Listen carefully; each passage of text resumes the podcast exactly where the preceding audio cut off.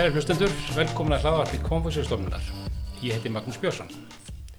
Þessu sinni fengið til minn dóttur Baldur Þóraldsson, professor í stjórnmálafræði við Háskóla Íslands og Snæðfriði Grímsdóttur, aðjungt í kynumsku fræðum, einnig við Háskóla Íslands. En nýlega lögu þau gerð skýslu um samskipti Íslands og Kína sem kom út á vegum Alþjóðamálastofnun Háskóla Íslands. Verðið velkomin. Takk fyrir. Byrja á að óskilku til hafingi með skýsluna.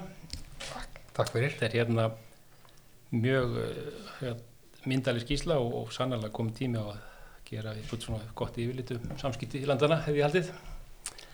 Uh, og svo sér maður það að hún veku tölurverða aðtegli því hérna og opnar alla fjölmeilin að þess að þið séu þar eða, eða vera fjallum skýsluna. Kom, kom það eitthvað óvart? Hvernig er það aðtegli? Eh, kannski ekkit endilega vegna þess að eh, mér hefur nú fundið sér gegnum tíðin að íslenski fjölmiðlar hafa áhuga á samskiptum sko landans við Kína og eh, samskipti landan hafa verið mikið í umfjöldinu svona gegnum tíðina. Náttúrulega meðs mikið eftir, hva, eftir, eftir hvað er í, er í fréttum. Já, já. Eh, en eh, já fjölmiðlar og, og Kína kannski áberandi núna í umræðunni og kannski sérstaklega vegna þess að vegna deinlega bandaríkjana og Kína. Já. þetta farið svona að lita allt alþjóðarsamfélagið Já, og frétta, svona alþjóðlega fréttaflutning. Já, En þetta var líka mjög ánægulegt hversu margir síndu skýslunni áhuga einmitt vegna þess að ég held að segja rétt að umræðan er með þörf. Já, þannig að það var mjög gaman að sjá hversu margir hefur áhuga á fjallum hana. Algjörlega sko og hérna bara að fundin sem, kynningafundin sem heldur það var alveg stútvöldu salur maður er hérna eftir að góðið byrjaði þá var maður bara ekki síðan aðeins. Neini það var gaman að, að sjá að fólk hefur áhuga og svo stremduðu þessu líka og það er þetta hlust, hlusta á fundina, horfa á fund, fundina á, á netinu og skýslan er aðgengilega á netinu. Já, einmitt, hún, hún er ekki prentu, hún er aðgengilega á netinu hjá Alþjóðamálastofnun Íslands. Já, það er að finna hana þar eða heimasíðinni minni. Og ég lagði áherslu það á, á, á þessu málþingjum skýsluna þetta náttúrulega væri ekki fullilega tæmandi um allt sem kemur, sem varðar samskipti ríkjana, heldur þetta meira svona greining og okkar langaði að sjá sko þróunina á þessu tímabili sem nær frá 1995 til dagsins í dag hver hefur verið þróunin í samskiptu ríkjana, við leggjum mest áherslu á það og við mátum rauninni samskipti landana inn í svona hefðbunda kenningu já, í alþjóðastjórnmálum uh, sem við kallum kenningunum skjól já, kannski komum það betur Já, eftir. við og okkur finnst það er mikilvægt kannski að hafa það í huga að þetta er ekki ofinbyr skýst og ekki full tæmandi heldur svona meira um þróunin í heilsinni já, akkurat einmitt en svona kannski svo við bara af skýslunni sjálfur mér langar bara til að vita eins hvað var til þess að þið ákveða að fara í þessa, þessi skrif? Ég sko það kemur til vegna þess að undanförnum árum hef ég fengið bara þó nokkra fyrirspurnir bæði frá innlendum og erlendum blaðamönnum og svo sko erlendu diplomöndum henni Reykjavík um, um hvert sé umfang samskipt Íslands og Kína. Já, og menn hafa sínt þessu helmingin áhuga. Ég gæti rauninni aldrei svarað þessu uh, og svo var ég nú svona að reyna að afla mér upplýsing og gagna hjá embættismönnum og stjórnmálamönnum. Og það var alltaf fátt um svör. Já, ég held nú fyrst kannski að menn væri, að- farin að fela eitthvað. Ég, við erum bara komist að því að svo er nú kannski ekki endilega. Nei, nei, og ég fór núna þegar síðast þegar sko varafósiti bandaríkjana, Pence kom til landsins og utanríkisræður bandaríkjana og voru með miklar yfirlýsingar um samskipti Íslands og Kína þá runni bara fór ég að kalla eftir því í ofinbyrju umræðu um að stjórnvöldum myndi gera ofinbyrja skýslu Já. um samskipti Íslands og Kína rétt eins og þau gera skýslur um, um þáttöku Íslands í Evrópusamrunanum eða Ísland og Norðurlandasamvinnuna. Og nokkri þingmenn sko tók undir þetta en það hefur ekkert orðið af þessu.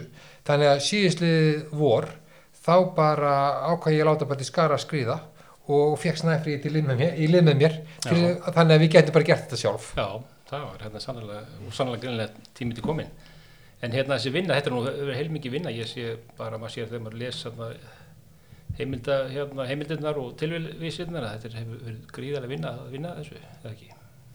Um, Jú, ég meina við höfum verið að vinna þessu núna síðan snemma árs 2020 eða ekki rétt. Um, Jú, þetta var heilmikið vinna. Um, en að samanskapi mjög þörf og reglulega skemmtileg.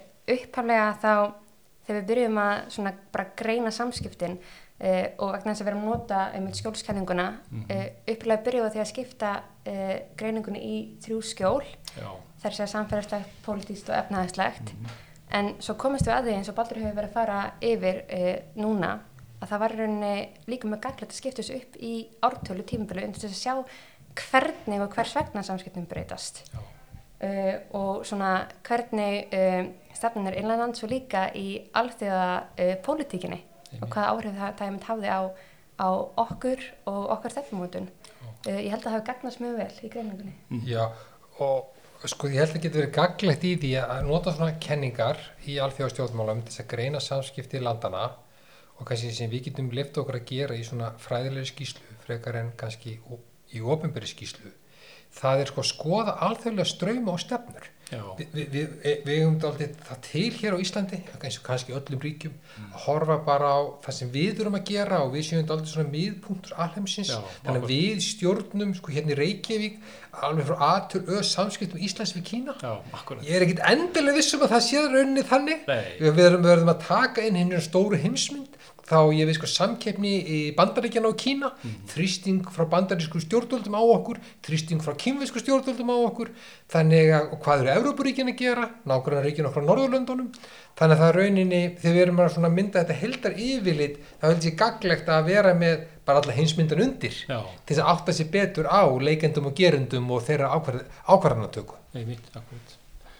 Og hérna, þið hefur náttúrulega talað við fjöldamanns, Bæ, bæði hérna sé að það eru, já, já, úr öllum stígum samfélags eða hvað? Já, við tókum viðtöl semst víða úr, úr samfélaginu uh, sem að hjálpaði okkur líka til þess að fá upplýsingar sem að, sem að gagnaðast okkur líka í því að greina uh, upplýsingar sem að sko, sem er ekki verið að fela heldur upplýsingar sem er ekki endilega uh, á yfirborðinu eða hvergi ritaðar og til dæmis hvernig greiniru samskipti á milli tekja rík, það er að segja samskipti á milli fólks frá ólíkum, ólíkum ríkjum. Einmitt, uh, hvernig greiniru uh, vinnusamband á milli tvekja einstaklinga? Og svo framvegis. Uh, svoleiðis upplýsingar. Það það, það var mjög uh, verðmætt að, að þýldunum til líka að fá þessar upplýsingar. Auðvitað komu líka ykkur upplýsingar sem voru í rauninni bara út frá störfum ekki endilega sem var að samskipti heldur bara almennum störfum. En já t- uh, viðtölum voru mjög, mjög víðfæðum Já. og mörg og því að við hérna menn hafa opnað dyrna fyrir ykkur svona almennt. Já, ég myndi að segja það. Það var, held ég, bara reglulega gott viðmót frá öllum sem við Já. töluðum við.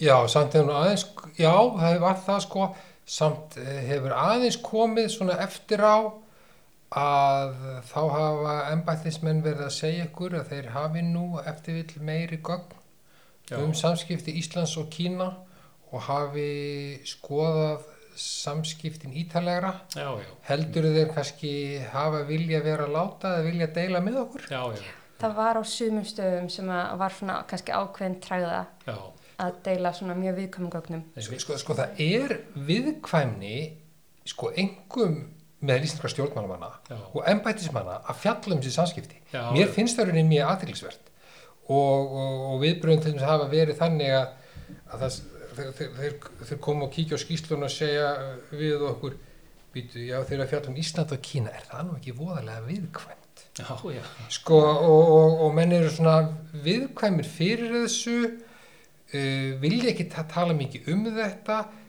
það, það, það er svona á á þess að menn sé eitthvað að fela Já. það er eitthvað svona menn vilja ekki í, kannski er þetta vegna þess að menn veit ekki almennilega við hafi ekki alveg vita hvað umfang samskiptan er mikið já, og menn bæði vilja ekki gera ómikið úr þeim til þess að ergja bandaríkjamenn eða Já, okkar já. nánustu samstarfsríki eða þú ergja Kína Já, já. að það sé ekki nógu já, mikil já, skiljiði, þannig það er bara betra að, að hérna að uh, ég held að sumum embætsmenn og stjórnmálumönnum finnst sem bara betra að fá að vera með þessi mál bara í fríði já, og, án, akskipta sig með akademíunar Já. eða almennur umræðu. Sko, aðeins, er tilneig til þess. Og, og, og, og mér finnst að, það, það er almennt finnst mér gæta þess hér það kemur á utanríkismálum að embættismenn og stjórnmálumenn eru ekki nógu opnir að ræða alþjóðarsamskipti nei, og þegar kemur ákvarðantöku í þessum málflokki það viljum mér halda að sér höndum Já. halda öllum eða halda þetta boltanum hjá sér og ekki setja út í almennu umræðu Nei. til dæmis eigum við að taka hátt í belt og braut Já. sem Kína býður okkur að taka 2018 Einmitt. það hefur engin almenn, almenn umræðu orði í samfélaginu um þetta og ég get ekki séð að stjórnmálamenn vilji fara út í almennu umræðu með þetta Já. og mér finnst það mjög merkilegt Já, þetta er, ég saman því, þetta er stór merkilega. Og líka sko kannski án þess að nefna nokkur dæmi að þá samt sem aður uh, eins og segi, almennt voru viðmælendur mjög viljur til þess að tala við okkur. Já. en samt sem aður voru þarna ákveðna spurningar, svona ákveðni staðir í, í viðtælinu þar sem að já, ég segi kannski hrökki kút en þau svona um, á, sérst, það, það var augljóst að efnin var mjög viðkvæmt Já, já, hjá sumum, í, í, í sumum spurningum.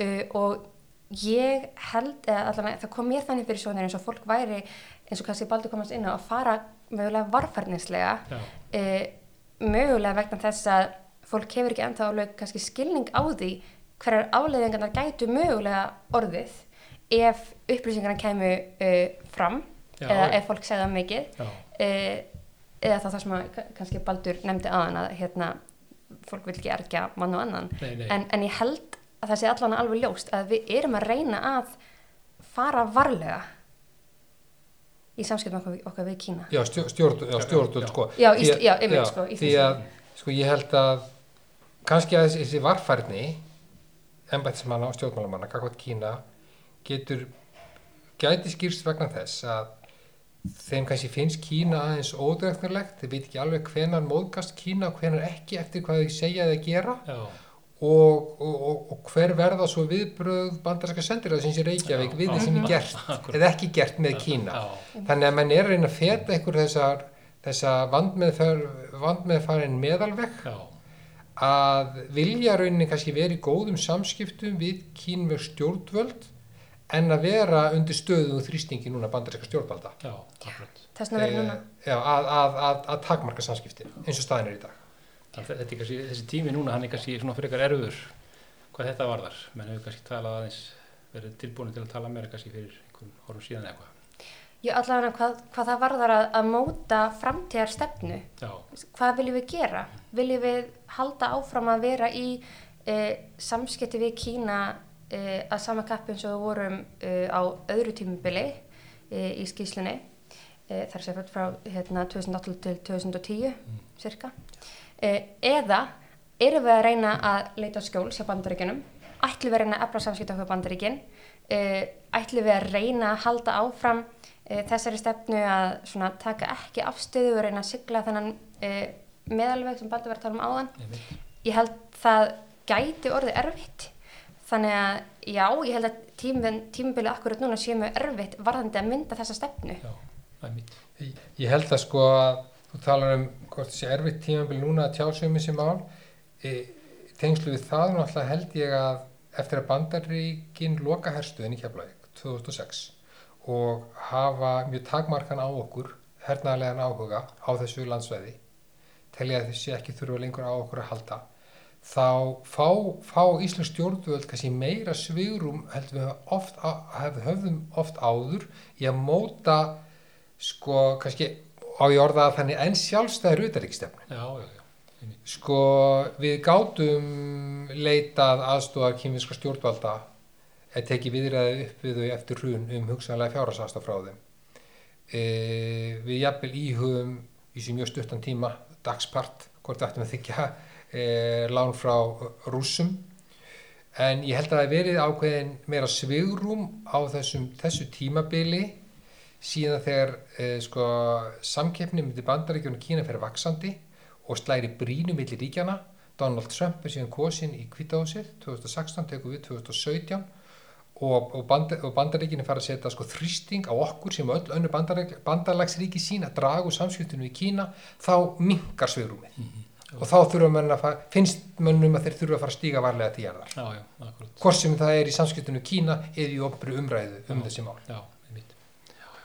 Hérna, en, en svo kannski förum för, för aðeins í skýsluna sjálfa, svona aðeins, aðeins í innihald hennar, sem er nú komið fram víða svona um, efnistök og hvernig hún er sett upp, en hérna, e, það er nú, e, fyrsta lagi hefur nú mikið áhuga á því að velta fyrir með þessu, þessu tímarama og, og þau skiptu þessu niður þannig í þessi fjögur tímabil þannig að það er spurning kannski hvort að e, fyrst bara að fara aðeins yfir það hvað þessi fjögur tímabil hvað hérna hvenar byrjar þetta og, og hvað, hvað eru, eru, eru skiptin á milli Við semst tökum svona í þetta frá- stuttum máli fyrir ekki Já, já, ok, ég skal reyna að gera þessu máli.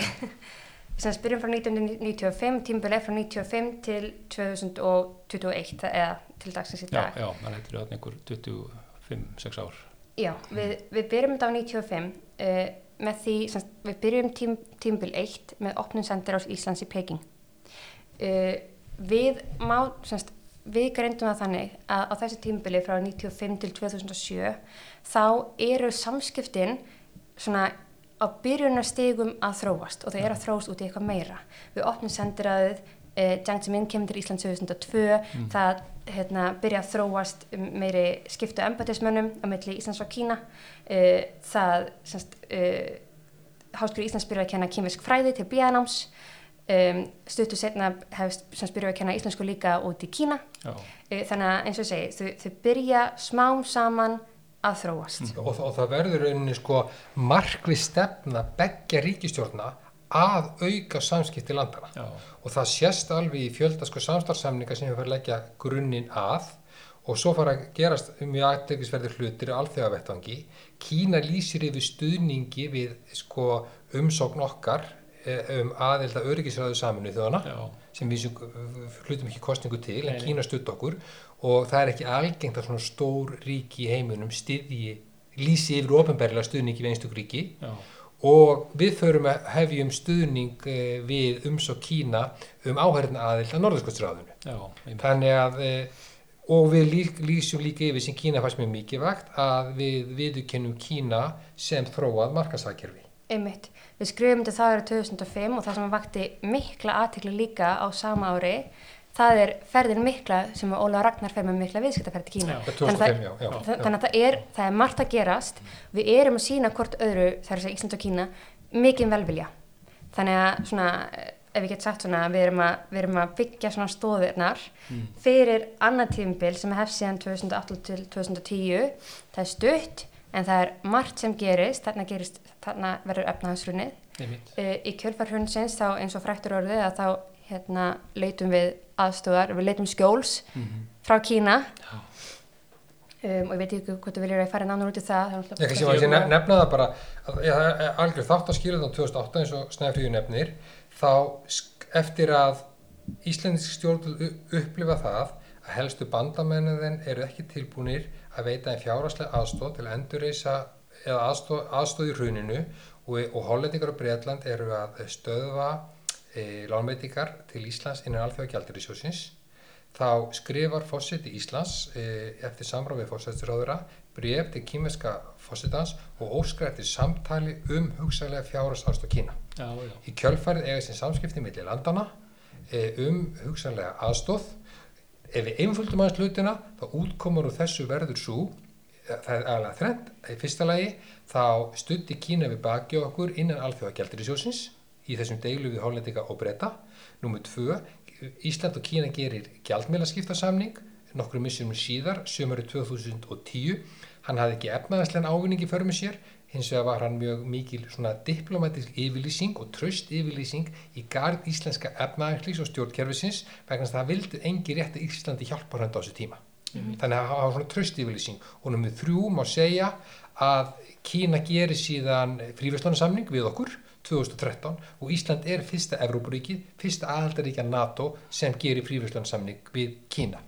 Þannig að þetta svona óbeint og beint kemur út úr þessari, þessari, þessari, þessari beðni um, um, um aðstóð og á þessu tímabili sem nær til miðs sko síðast áratugar um 2015 já, þá eru henni blómstra samskiptin það laði grunnur að gríðarlega miklum sko, samfélagslegum samskiptum skrifa undir e, sko, hinn allavega mögulega ómögulega samninga Já. um vísindarsamstarf stúdendaskipti Kína kemur fyrsta skipti að oljuleit Já. á norðurslóðum gegnum Íslensk stjórnvöld og Íslensk fyrirtæki, akkurat. og e, sko við skilgrunum þetta sem sko bæði efnaðslegt og diplomatík skjóls að, að ákveðnu marki þarna og um miðjan sí- síðasti áratug þá hafa e, samskiptin alla burði til þess að fara á enn meira flug. Já, Mhm. einmitt. og sko á þessu tímabili þessi samskipti vekja gríðarlega mikla aðtekli ellendis og hérna með gjaldbæðarskeptasamningin sem mikilvægt líka einmitt að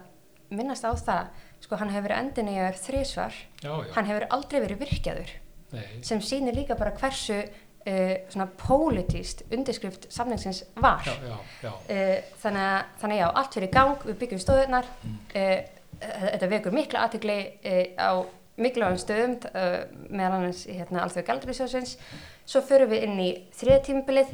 Eins og Baldur nefnir, við skrifum undir fríhúslandsamningin við skrifum undir fjölmarkar samninga meðal annars samningi á Norrslóðum uh, og svo framvegis en á þessi tímabili frá 2000 til 2000 og- til 2017 segi ég þá er líka einhvern veginn við, við náum okkur ótrúlega fljótt eftir hrunið við þurfum ekki jafn mikið aðstöð Kína lengur að halda. Um, við, uh, og þessi tímabili þá kemur líka eins og fræktur orðið Núbó kemur og hann gerir til undir landakaupa uh, það vakti mikla aðtikli í fjölmjölum, það var mikil umræðum til samfélaginu, uh, fólk fyrir að, semst, það er þess að Íslandingar fara að veltaði fyrir sér líka hvað er að gera samskiptum milli Íslands og Kína.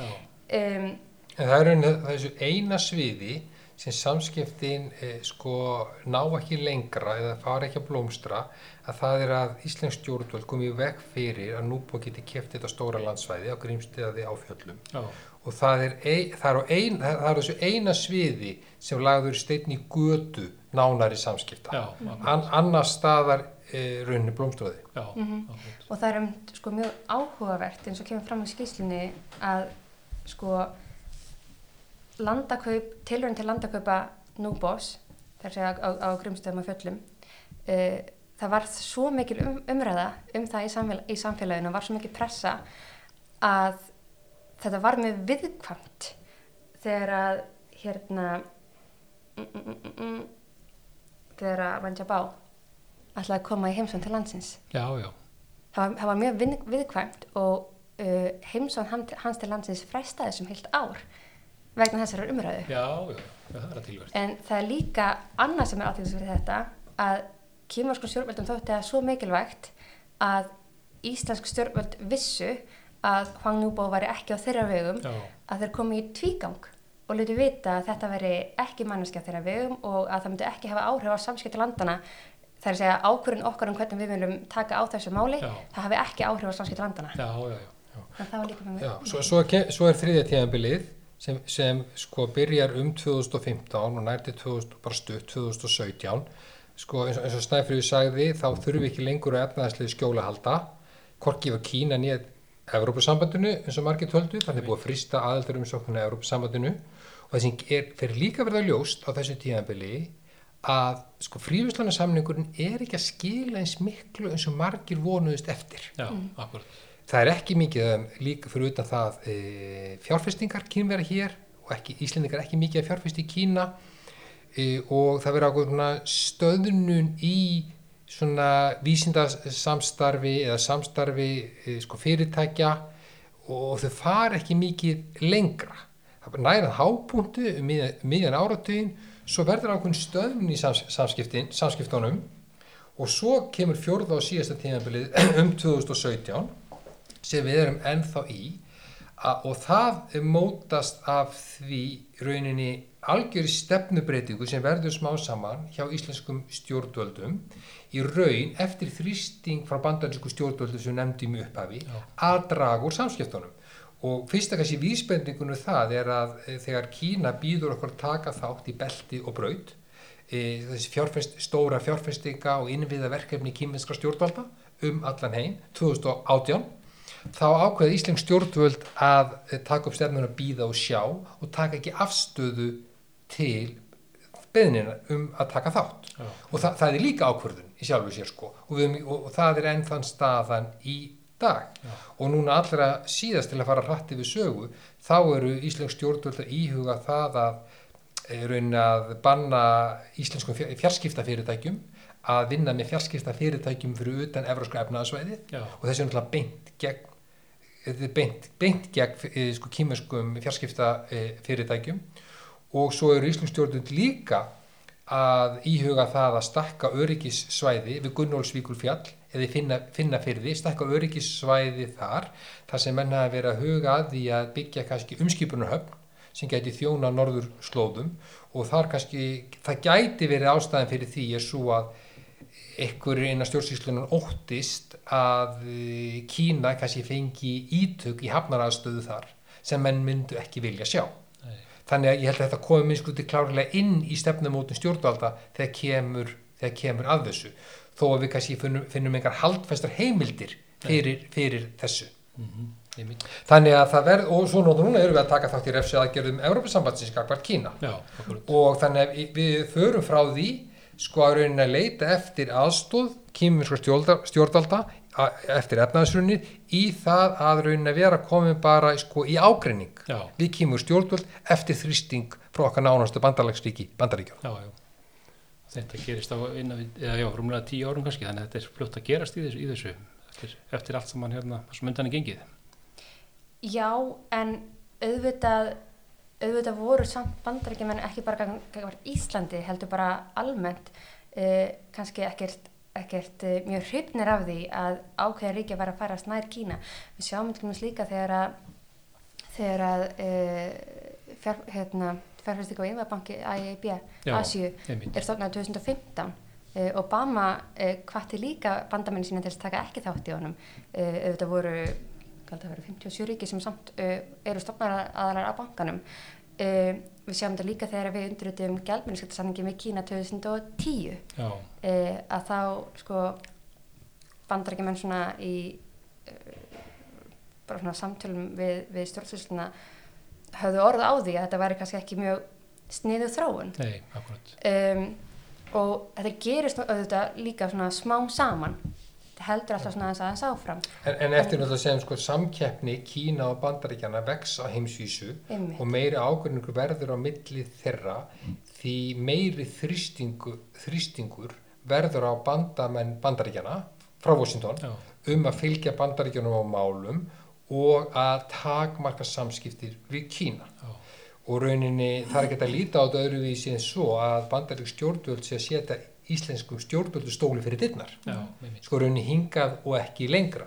Og þá eru sko að að við höldum sko bandaríkin að hugsa til e, langtíma litið e, þeir kannski óttast e, aukin umsvið kínveska stjórnvalda á norðurslóðum.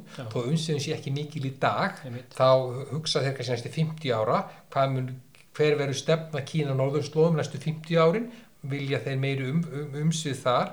Þá vilja ekki að Kína hafi ítök hér á landi og þau eru líka skeptiks bara á mjög nána efna, efnahagslega samvinnu eh, milli Íslands og, og, og Kína og, og kannski hugsanlega umskipunahöfn hér sem, sem kýmur stjórnvöld eða fyrirtæki gætu haft einhver ítök í. Já, Þannig að þetta er, þetta er svona heildar myndi fyrir, fyrir bandaríkin sem þau horf, horf, horfa á. En það er alveg eins og Snæfriður segir, við erum ekki eina ríki sem er að verða fyrir þessi þrýstingi. Það eru öll bandalagsríki bandaríkjana. Einmitt. Þannig í rauninni í samskipti okkar við Kína þau saga, við getum svona sumar þetta aldrei upp með því að segja að þau að hérna bandaríkin spila þetta aldrei stórt hlutverk kannski. Já, úr rauninni sko ef maður verið spurður um framtíðina, sko hver, við höfum aldrei verið spurð að því, sko hver eru, hver, hvernig eru samskipt Íslands og Kína lík, líklega, líklega til að þróast? Akkurat. Hvernig eru líklega til að þróast? Mjög, þá held, þá held ég að maður verði að sko að benda á það það fyrir aðalega eftir því hvernig samskiptin Kína við bandaríkin Já. eigi eftir að þróast Akkurat. og hvaða þrýsting bandaríkin setja á Íslands stjórnvöld varðandi samskipti Íslands og Kína Já, já, þannig þetta er sko meira komið undir heimsmálunum já, þrýst ákvörðunum í Washington einmitt. heldur en ákvörðunum hérna í Reykjavík Já, já. Þá, en, þá, er með, þá er ég ekki að segja með þessu að við séum algjörlega leppur bandaríkjana Nei, nei, nei. sko, við gætum tekið þátt í belt og braut Já. við gæt, við gæt Íslensk stjórnvöld geta alveg leift íslenskum fjarskiptafyrirtækjum áfram að vinna með kýmverskum fjarskiptafyrirtækjum Já. það er alveg hægt Já, já, en það eru augljóst hvert stefnir og út af hverju Já, já. hvert stefnir einmitt. Akkurat. en það er kannski heldur ekkert að þessu sögðu kannski ekkert óeðlilegt að Ísland taki aðeins með af nágrannaríkjum. Og þá sko bandaríkjum og auðvitað líka Norrlöndunum og, og Evropasambandinu já, uh, þetta eru löndin sem við kannski eigum hvað mest sameigilegt með.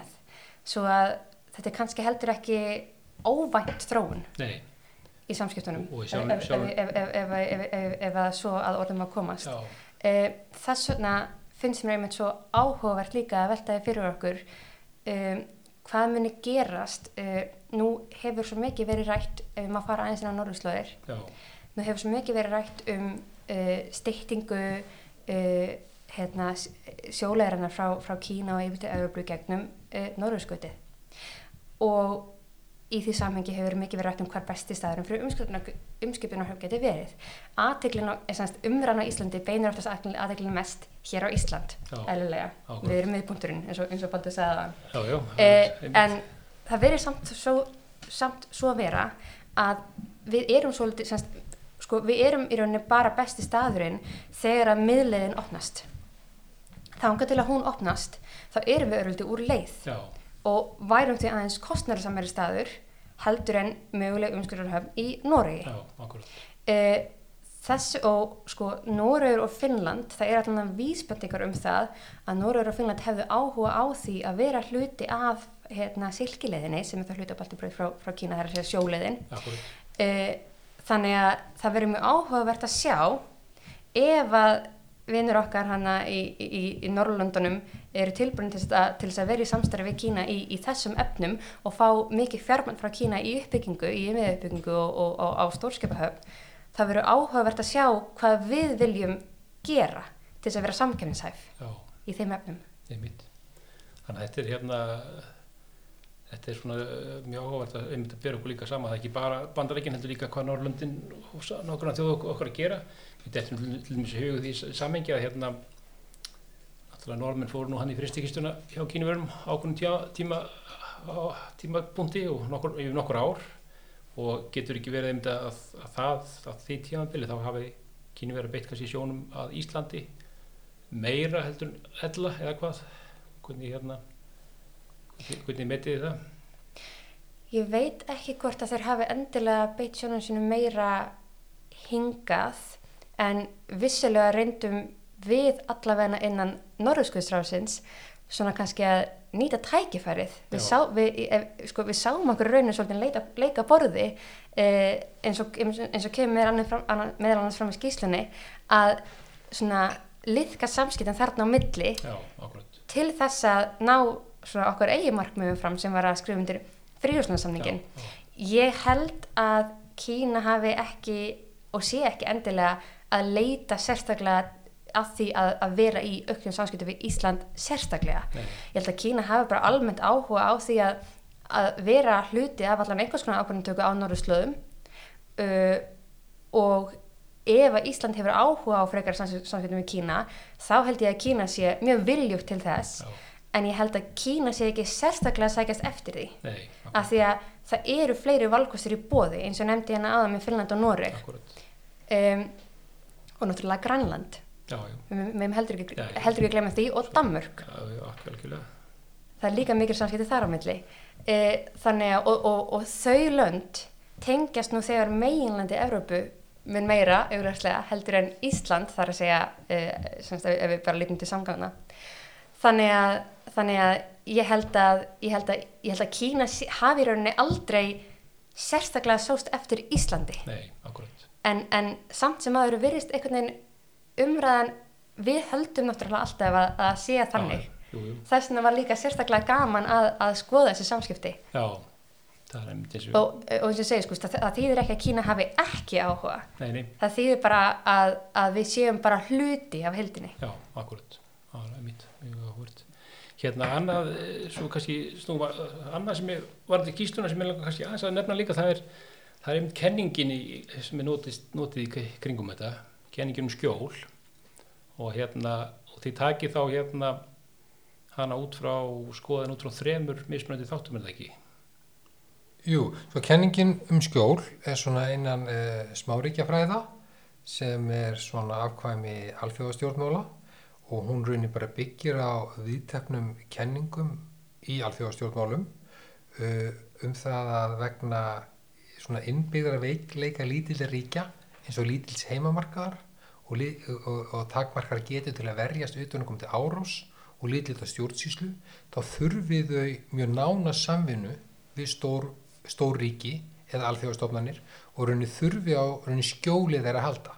Sko efnaðslega, pólitíst og samfélagslega og það eru þessi þrýr þættir. Já. Og þessi kenningin er rauninni að benda á og leggja áherslu á sko, vil frekar en margar aðra kenningar í alþjóðastjórnmálum að allir þessi þrýr þættir eru jafn mikilvægir. Sá samfélagslegi er jafn mikilvægur þeim pólitíska og efnaðslega.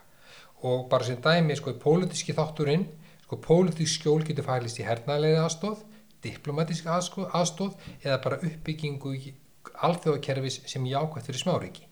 Efnaðslegt skjól getur fælist í aðgangastæra markasvæði, frívíslan samningu í Kína eða beinni efnaðsaðstóð eins og við rætt- rættum við Kína.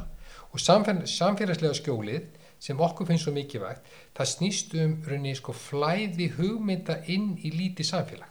Því það er miklu meiri hætt á því að lítil samfélag þau einangris frekar en, en, en stór samfélag Eh, bara sem nefnir sér dæmi þá er mjög mikilvægt fyrir lítil samfélag eins og okkar að hafa aðgang að háskólastofnunum eh, út um allan heim. Mm að við séum fylgjandi nýjustu strömmum og stefnum við fylgjum nýjustu tekn og vísindum sem eigur sér stað í heiminum. Og það getur verið þannig að í litlu samfélögum lítil samfélag þau eru að leggja sérstaklega á sig. Þannig að nýjustu strömmar og stefnur nýjustu tekn og vísindi komi inn fyrir landsteinuna það gerist kannski ekki sjálfkrafa. Nei, og, og þetta er alveg að mikilvægt fyrir þróun samfélagsins. Ef, ef að lítið samfélag ætla að bjóða upp á sambarlega lífskjör eins og best gerist í, í heiminum og það er þess að þrjá þætti sem við, sem við, sem við skoðum einmitt í, í skýslunni Já, og svona það getur líka verið kostnaður fyllt þessu.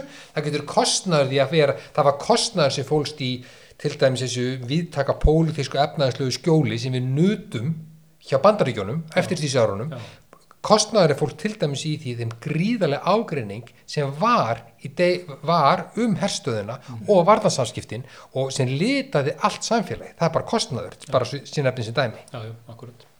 Og hvað hérna, þegar kannski skjólkenningin er, virkar kannski sem best í þessu, þegar akkurat þegar við leitum skjólsirunni þarna, eh, þarna öðru tímanbylinu, er allir þessi þætti jafn mikilvæg í þeirri leiti eða hvernig hérna, hvernig leitið þið það? Nei, sko, þá náttúrulega var kannski við vorum að leita fyrst og fremst eftir efnaðarslegu skjóli Já, sem við vorum að horfa til vegna stöðunar en við erum og fáum síðan fríverslana samling aldrei síðar en við erum ekkit síður að fá rauninni sko svona pólitík skjól Já. í sko diplomatísk skjól. Já, eins og ég nefndi áðan við, með stuðningi innan alþjóða gjaldir í sjósins og með þessari tröstifylýsingu sem er gjaldmeðlaskipta samlingurinn þannig að e, það var, við náttúrulega fengum síðan láni frá alþjóða gjaldir í sjónum á lokum já, já, En þannig að diplomatiska skjóli sem við fáum til Kína uh, skiptir máli og sko pólitísk samskipti ríkjana hefur alveg getað haldið áfram já, já, og, og leitt til meiri stuðnings, skaktam stuðnings en gerðu, gerðu, hafa ekki gert það. Nei, hafa ekki gert það. Og við kannski voru síðan í staðin eins og við komið inn á að, að veita kínverjum reyna að litka uh, fyrir uh, ingang að Kína fengi áhörða aðild að Norðurskjöldsráðinu þannig að kínverði hafa líka eitthvað fengið sér fyrir sín snúði eitthvað. Já, já, þeir gerðu það, en þeir eru náttúrulega svo kannski alþjóða samskipti ríkja, mm. e, gang út frá það, að, að, það já, já, að allir fá eitthvað fyrir sín snúð. Já, því að hérna ekki kannski hafa nú grætt mikið á, við, á fyrirjöflunarsamningunum við þessa ör, örþjóð. Já, þau grættu þá allavega það að þeir fengu æfingu í því að búa til slíka samning Já, og ég held að, sko, ég held að það hef verið árið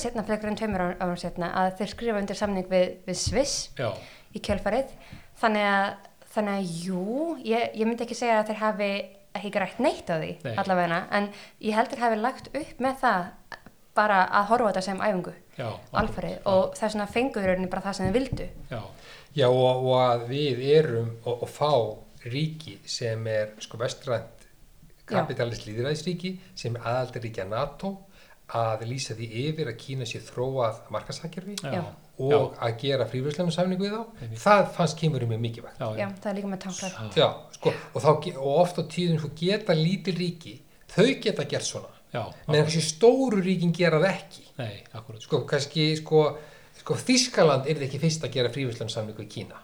Ekki endilega, sko. Nei, nei. Það er kannski meira svigurum hjá litlu ríkjónum að gera svona, gera svona hluti. Mhm. En ég held að það hef verið sérstaklega mikið auki svigurum sem nefndi áðan þarna eftir að bandarækjumin fer og hafa sín okkur minni, minni áhuga. já, þá verður meira, meira, meira sjöru og svo, svo það, svo aðeins þetta samfélagslega skjól sko sem e, er e, við skoðum það sérstaklega varandi vísindi og mentasamstarf sem er e, nokkuð umfangsmikið og lagðu grunnur að umfangsmiklu vísind og mentasamstarfi sko á þessu tímabil, fyrsta og öðru tímabilinu Já, en svo kannski nærða ekkit mikið lengra og ég held að meðal annars ástæðan sé svo að við erum náttúrulega bara part, partur, Ísland er partur af henni vestrana menningasvæði já, einmitt. og við erum að leita eftir ströymum og stefnum, nýjust og tekno og vísindum í okkar nær menningarsamfélagi þá eru það Norðurlöndin, Einmitt. Vestur-Európu og akkurat. e, það, það, er, það, er, það er langt til Asíu og það er annar menningarheimur e, þannig að það er flóknara. Og við, það lifir lengi í, í gömlum glæðum. Mhm, e, sko ég hef tekið saman til með stúdendaskipti hér við Háskóla Íslands hvert menn er að fara Íslensk, Íslendingar hér við skólan hvert er fara helst í skiptinám þeir fara helst á hinn Norðurlöndin. Já, þó allur heimurinn Akkúrat. standi opinn fyrir þeim þá er ennþá þannig, þannig staðan að yfir helmingur íslenskar stúdenta sko fer til fyrir Danmörkur. Hann fer til Danmörkur. Sko, í sko, aðalandi Kaupmannahafnar. Já. gömlu höfuborgina sko. Nákvæmlega. Þetta er náttúrulega mjög áhugavert og sýnir líka svo vel sko hvar áhugin liggur. Og bara svo tekja líka dæmi með Kína að það eru bara mjög fáir skiptinemar sem er að fara til Kína hérðan í stóra samhenginu uh, sérstaklega samanbar, samanbar við Japan og ef við tekja dæmi frá HR Mm. að þá gerðu þeirra sem tíma samstarfstafning við háskóla úti í Kína.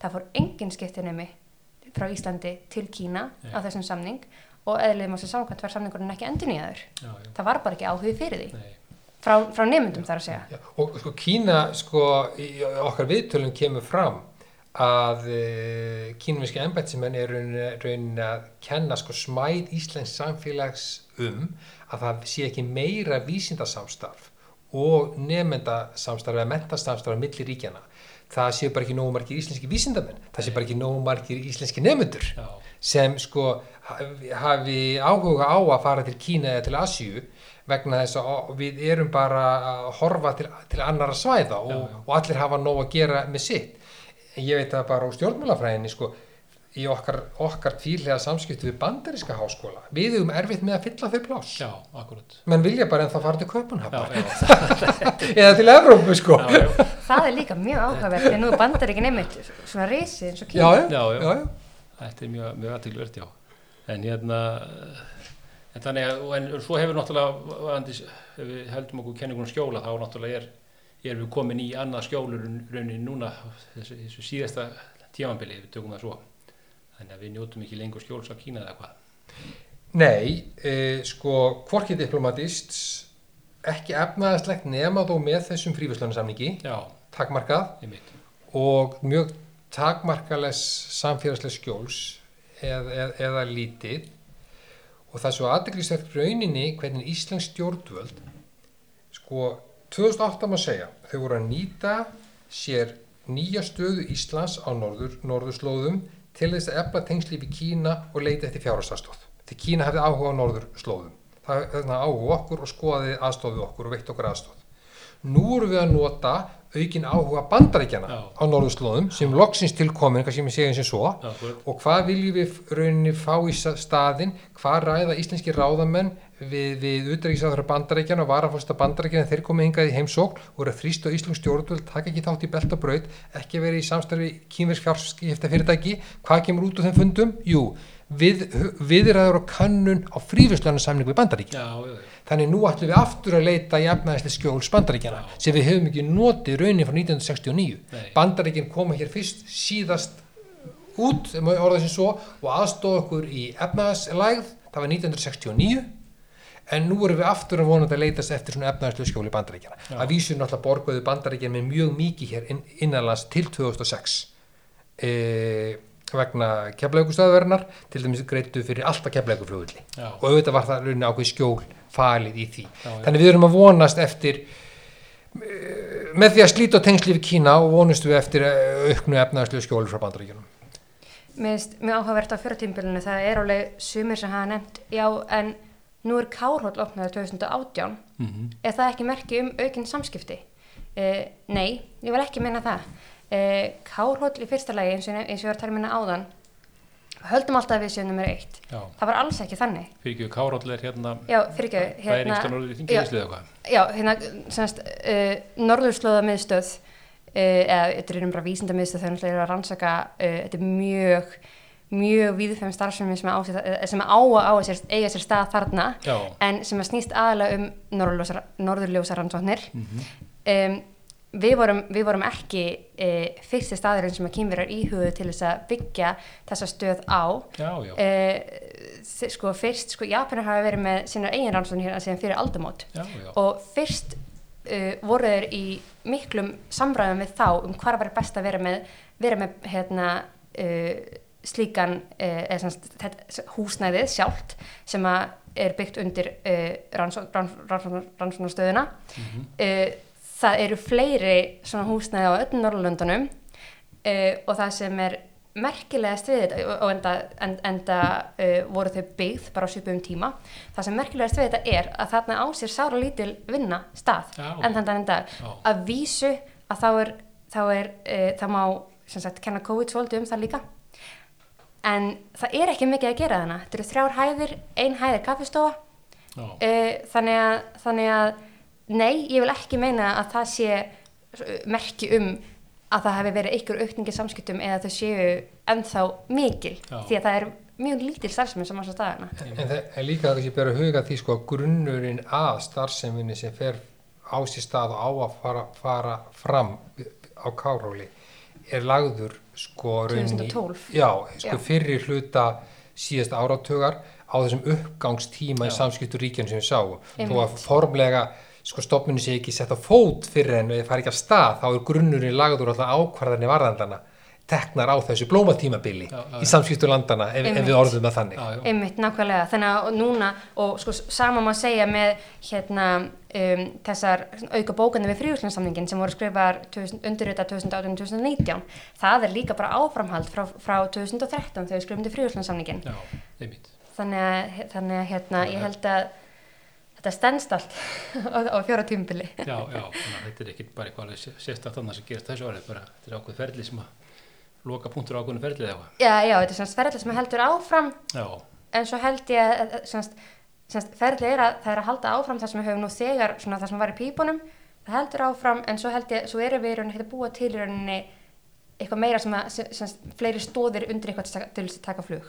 já, En, en, en svo eru vissjónulega náttúrulega tækifæri í fríverslunarsamningunum. Auðvitað eru tækifæri bæði fyrir íslensk fyrirtæki og íslenska neytendur e, í fríverslunarsamningunum og að e,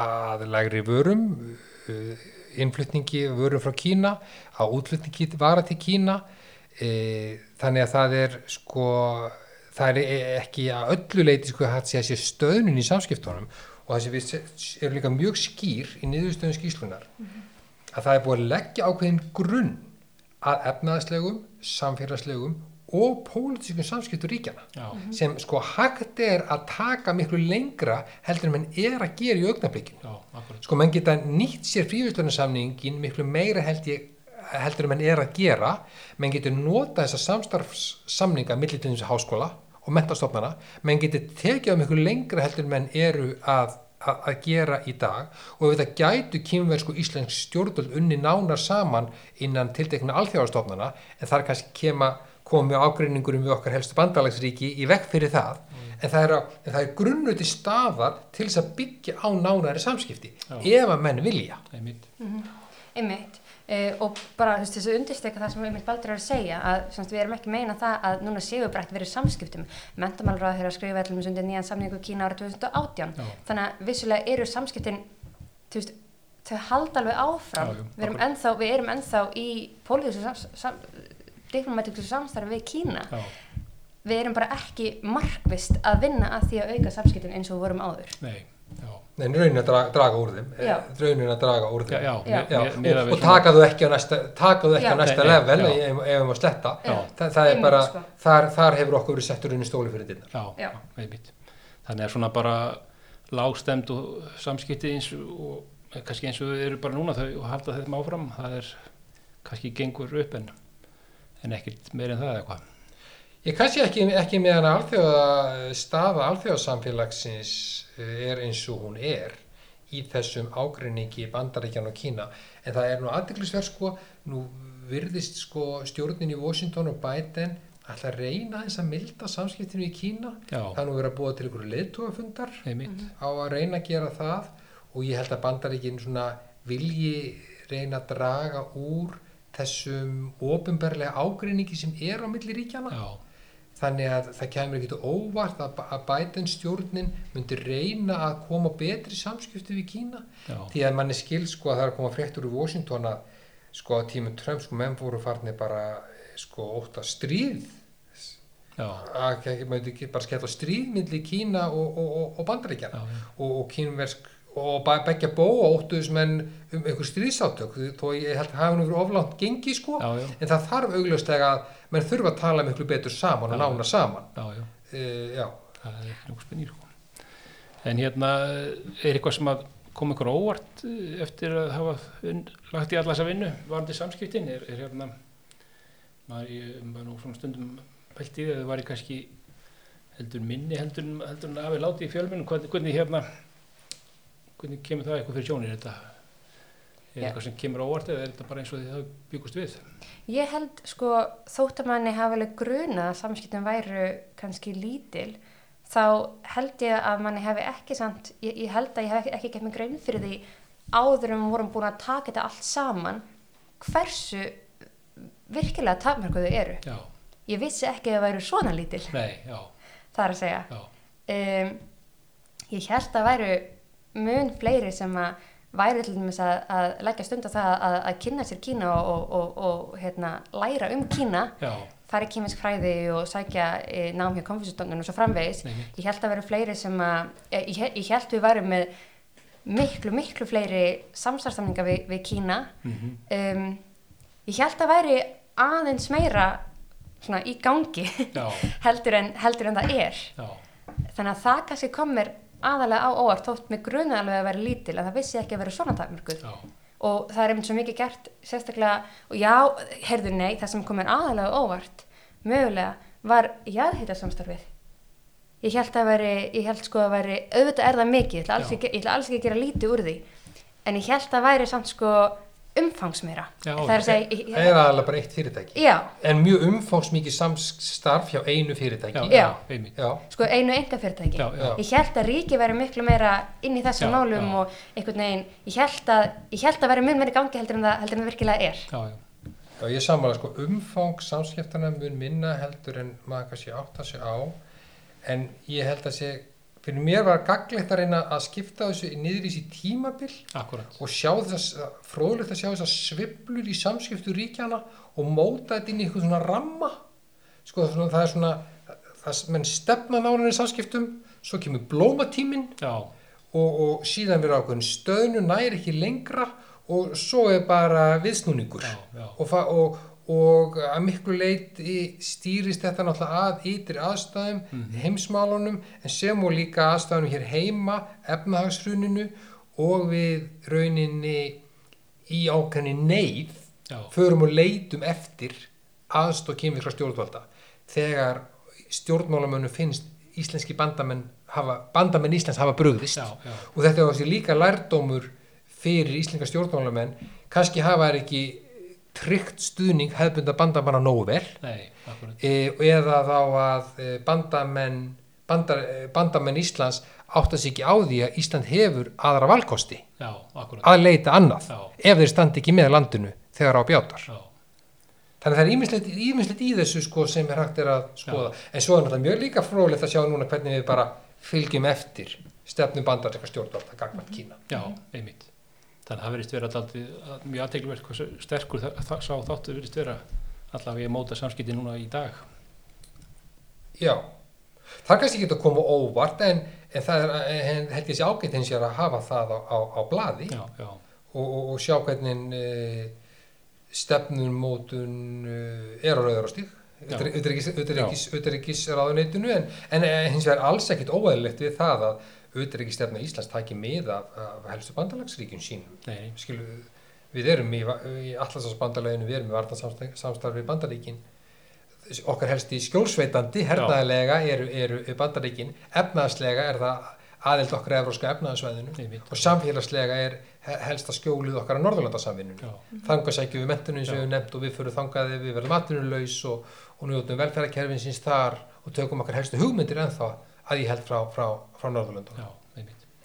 En svona bara kannski að lókum hérna uh, framtíðina, við vorum eitthvað, undir aðeins að ræða hérna, hérna áðan en, en hvað svona, eh, núna erum við komin í, búin að fara þennan svona þennan ring sko upp og niðurdaldið hvernig lítur framtíðin út svona ykkar augum eh, varandi samskiptin, er hérna er, það er ekkert komið að því, sko nú veit ég til mér eins og í Asju, Östur Asju, Söðustur Asju, mörg ríki þar, þar sem að bandaríkir nánast bara krefast þess að þau bara þau taki stöðu bara, þú veist hvort þetta er með okkur eða, eða, eða kínur e, það er ekkert slíkt sem að á, muni þessi stað í framtíðin í okkur eða hvað, við munum áhverju að geta haldið samskiptu við Kína eða, já, eða hvernig, hvernig sjáu þetta þróast Já, það er stór spurt sko. Já, sko, ég held að bandaríkjamenn eru búin að segja það mjög skýrt við okkur, bara, það er bara ofinberlega þrýstingur að við eigum ekki að taka þátt í beltabraut. Já, Ég held að bandaríkinn myndu taka það mjög ótsund upp ef við myndum gera það. Ég held að þau eru ekki heldur mjög ánað með það ef að Íslands stjórnvöld láti ekki af áformum sínum, ef að þau, ef að þau hætta við áform sín um að takmarka tengsl íslenska fjarskiptageiras við kýmenska fjarskiptageiran. já, E, þannig að, að, nei, sko, að sko, þannig að ég, ég sé ekki annað en að bandaríkinn stjórnindaldi för hvað þetta varðar en að því sögðu er ekkit í vegi fyrir því bæða íslenskar mentastofnanir, vísindarsamfélag og íslensk bara atvinnulíf verði í nánari tengslu við, við kynverja og kynverska marka Já. og kynverska háskólasamfélag einmitt, En það, það virðist aðeins vanta svona menningarlegu tengslin eða menningarlega skilningin e, til þess að, að, að það geti orðið og þróast á næsta stig. já, einmitt, Við sjáum um þennan þrýsting líka þó aðalega valdi til Trump uh, á Grænland. já, Uh, þeir til dæmis geru, það er að segja bandarækjumenn, um geru líka geru til dæmis aðtöðsund við það þegar að uh, kýmverjar hittu stjórnvöldi í, í, Gra- á Grænlandi í staðan fyrir að, að fara með gegn Danmörku. Um, ég held að vera líka áhugavert að sjá hvað mun, hvað mun verða með Tævan já, og hvað, sem sagt, það er að segja hvað, hvað Kína, sem sagt, núna hefur Kína til dæmis heimta það að fara fram á það við bandarækjumenn að þeir, að þeir fjarlægi herrmenn sem eru í Tævan. Já, uh, ég held að vera mjög áhugavert að sjá hvað verður í kjölfæði á því hvort að bandarækin munu legg, sem sagt, setja þrýsting á tæfinu og hvort við munum það þurfa veist, að flokkast í, í lið já, með eða móti.